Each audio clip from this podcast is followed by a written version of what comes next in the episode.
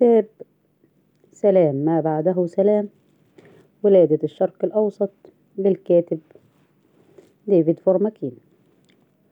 عمل البرغادير جنرال جيلبرت كلايتون بصفة كبير الضباط السياسيين في قيادة الجنرال اللنبي ولكنه ظل الأنا الآخر السياسي لسير ريجينالد وينغيت المندوب السامي البريطاني في القاهرة.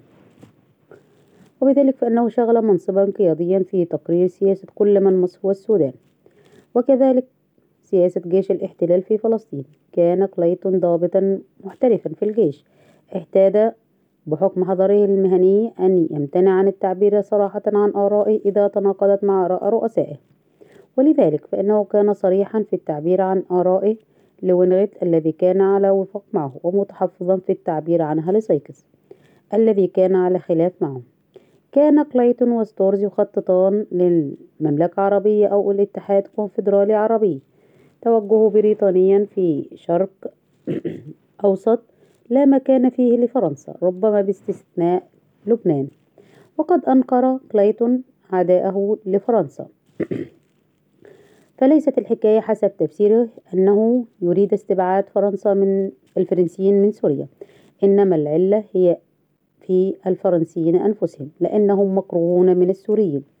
وإذا ما أتيحت لهم الفرصة أن يحكموا سوريا فسوف يفسدون الفرصة. وقال كليتون إنه لن يتآمر لكي يسبب هذه النتيجة. وكل من كل ما في الأمر أنه يتنبأ بها. وقد كتب إلى سايكس في العشرون من أغسطس عام 1917 قائلا لا حاجة بك أن تخشى أي توجه فاشودي من جانبي. كل ما في الأمر أنه كان يخشى أن يوجه اللوم إلى بريطانيا. إذا فشلت فرنسا. وقد قال لسايكس أن من المهم إقامة الدليل الذي يبين أن الخطأ ليس خطأ بريطانيا. أنكر كلايتون معاداته لفرنسا ولكنه اعترف بأن لديه تحفظات اتجاه حلفاء بريطانيا الآخرين في الشرق الأوسط. فحتى بمقاييس بمقاييس ذلك الزمن كان كلايتون وزميله وينغيت يميلان ميلا شديدا إلى معاداة اليهود. وكان وينغيت يوجه اللوم لليهود في التحريض على نشوب الحرب العثمانية. وفي عام 1916 قال كلايتون في تقرير إلى وينغيت أن اليهود وراء حركة عقد صلح مع الإمبراطورية العثمانية. ولكن عندما تطور الحديث عن موضوع الصلح مع تركيا على أساس حل وسط في عام 1917 احتج كليتون قائلا أن بريطانيا لا تملك الحق الأدبي في التفاوض لأننا ملتزمون بتأييد العرب. والسوريين واليهود والأرمن. ولذلك علينا أن نمضي قدما لإحراز نصر كامل. وفي الوقت عينه كان معارضا للدخول في هذه الالتزامات بالذات ومن ضمنها الالتزام بالصهيونية. وبينما كانت مسودة إعلان بلفور قيد الإعداد كتب إلى سيكس قائلا أنه من الأفضل إبقاء أهرون أهرونسون واليهود في اللعبة من دون إصدار أي بيان عن نيات بريطانيا. وأضاف أن السياسة تتجه إلى استبعاد اليهود والعرب من المجهود الحربي. وبما أنه حذر بطبيعته فلم يرى حاجة في أي حال من الأحوال لإعطاء تعهدات مسبقا. وبعد انقضاء شهر على إصدار إعلان بلفور كتب كليتون إلى سايكس مشيرا إلى أن إصداره ربما كان غلطة لا أعرف معرفة تامة مقدار وزن الصهيونيين وخاصة في أمريكا وروسيا. ولا أعرف ما يترتب على ذلك من ضرورة إعطائهم كل ما يطلبون. ولكن لا بد من أشير إلى أننا إذ ندفعهم بقوة كما نبدو أننا نفعل. إنما نجازف بإمكانية جعل الوحدة العربية كأنها أمر واقع وكأنها موجهة ضدنا. على أي حال لم يكن كليتون مواليا للعرب بمعنى تحبيذ الاستقلال العربي بل على العكس من ذلك إذ إنه اقترح هو وينغيت في مطلع عام 1917 إلغاء استقلال مصر الذي كان استقلالا اسميا والتوجه نحو ضم مصر وهو رأي عارضته وزارة الخارجية البريطانية بنجاح. وقد كتب آنذاك إلى سايكس لدعم اقتراحه والانتقاد المسؤولين في لندن الذين حاولوا دون تنفيذه فادعى إنني أعارض سياستهم معارضة شديدة ولكن سجل كلامي. إنني أعرف أني على صواب. كل هذا الهراء عن السلاطين والحكم الذاتي في مصر هو كلام تافه. إنهم غير مستعدين لذلك. فإذا كنت صاحب قصر فإن كل ذرة من السلطة والحكم الذاتي تظن أنك تعطيها للشعب. ستذهب مباشرة إلى أيدي السلطان ووزيره لاستخدامها ضدك. إن النظريات الجميلة كلها حلوة جدا ولكن الحقائق القاسية تبقى قائمة. مع أن كليتون كان أول من هول في أمر الجمعيات السرية العربية حتى من قبل نشوب الحرب العثمانية فقد تجاهل دائما ما أبلغته هذه الجمعيات. أي أنها لا تريد أن يحكمها مسيحيون أو أوروبيون حتى ولو كانوا بريطانيين. وقد جاء ما يذكر يذكر بذلك في مطلع عام 1918 ضمن الحقيبة الدبلوماسية المرسلة من مدريد حيث التقى السفير البريطاني مع عزيز المصري زعيم إحدى الجمعيات السرية وقال السفير أنه تلقى من المصري اقتراحا بتنظيم الإطاحة بحكومة أنور وطلعت في القسطنطينية على أن يعاد تنظيم الإمبراطورية العثمانية على قاعدة الفيدرالية وأن يعرض الحكم الذاتي على العرب وغيرهم. ويتبع ذلك التوفيق بين الإمبراطورية العثمانية المعاد تنظيمها والدولة الحليفة وقد سبق العزيز المصري أنه قال مثل هذا الكلام مرارا لكليتون في القاهرة عند بداية الحرب. ولكن لا يبدو أن كليتون فهم أن الذي يتحدث عزيز المصري باسمهم يقبلون بأن يحكمهم الباب العالي التركي ويرفضون أن يحكمهم المعتمد البريطاني المقيم. والشيء الذي كان يقترحه كليتون أي أن يكون الشرق الأوسط العربي محمية بريطانية. هو ما أشار المصري إلى أنه غير مقبول إطلاقا. وهكذا. فإن كليتون الضابط الذي كان يقدم النصح إلى الليمبي بشأن السياسات الواجب اتباعها في البلدان المحتلة أي فلسطين وشرق الأردن ولبنان وسوريا والذي كان يدعي أنه ليس عدوا لفرنسا ويصر على أنه صديق الصهيونيين والعرب كان عمليا يعارض طموحات هذه الجهات الثلاث. كان سير مارك سايكس مبتدئا في العمل الحكومي في عام 1917 تولى منصبا تنفيذيا مدة سنتين فقط وكان ذا شخصية متقلبة تظل نهبا للحماسة المفاجئة. وكما ذكرنا سابقا سرعان ما كان يتبنى قضية أو يتخلى عنها ولكنه بالرغم من عدم ثباته على حال لم يكن عديم الأمانة فهو لم يكن ينافق أو يخفي مشاعره. وبعد أن تحول من معادي للعرب ومعادي لليهود ومعادي للأرمن إلى موالي للعرب ولليهود والأرمن. لم يعرف سوى طريق واحد ليكون وفيا مع أصدقائه الجدد ومن كل قلبه. كان سايكس يؤمن بالوفاء بالوعود التي قطعها للعرب واليهود والأرمن والفرنسيين وظل يجهد في العامين 1917 و 18 للتوفيق بين هذا الائتلاف المتباين الأطراف. وقد كتب وقد كتب حييم وايزمان في وصف مناقب سايكس البارزة قائلا لم يكن ثابتا جدا أو منطقيا في تفكيره ولكنه كان كريما وعطوفا. ونظرا لدوره في المساعدة على تحقيق أماني اليهود القومية كان ملائما للزعيم الصهيوني نحوم سوكولوف أن يطلق على باب مكتب سايكس اسم باب الأمل. أما ضمن الحكومة البريطانية فكان ثمة من يعترض على هذا الكرم نحو الأجانب. وحقيقة الأمر أن مشكلة سايكس الرئيسية كانت أن يضمن تأييد زملائه الذين كانت تحيرهم وجهات نظره. كانت تحيرهم إذ لم يخطر في بالهم كما يبدو أنها وفق مقاييسهم إنسان ساذج. أحد جوانب مشكلة سايكس أنه لم يكن يعرف من من زملائه يؤيد ماذا ولم يكن يفهم أن بعضهم يخفي دوافعه وخططه وكان يشعر أن باستطاعته في الاجتماعات والمراسلات السرية مع زملائه المؤتمنين في الحكومة البريطانية أن يعبر عن وجهات نظره بصراحة وبالكامل. وافترض خطأ أن شعورهم مماثل لشعوره.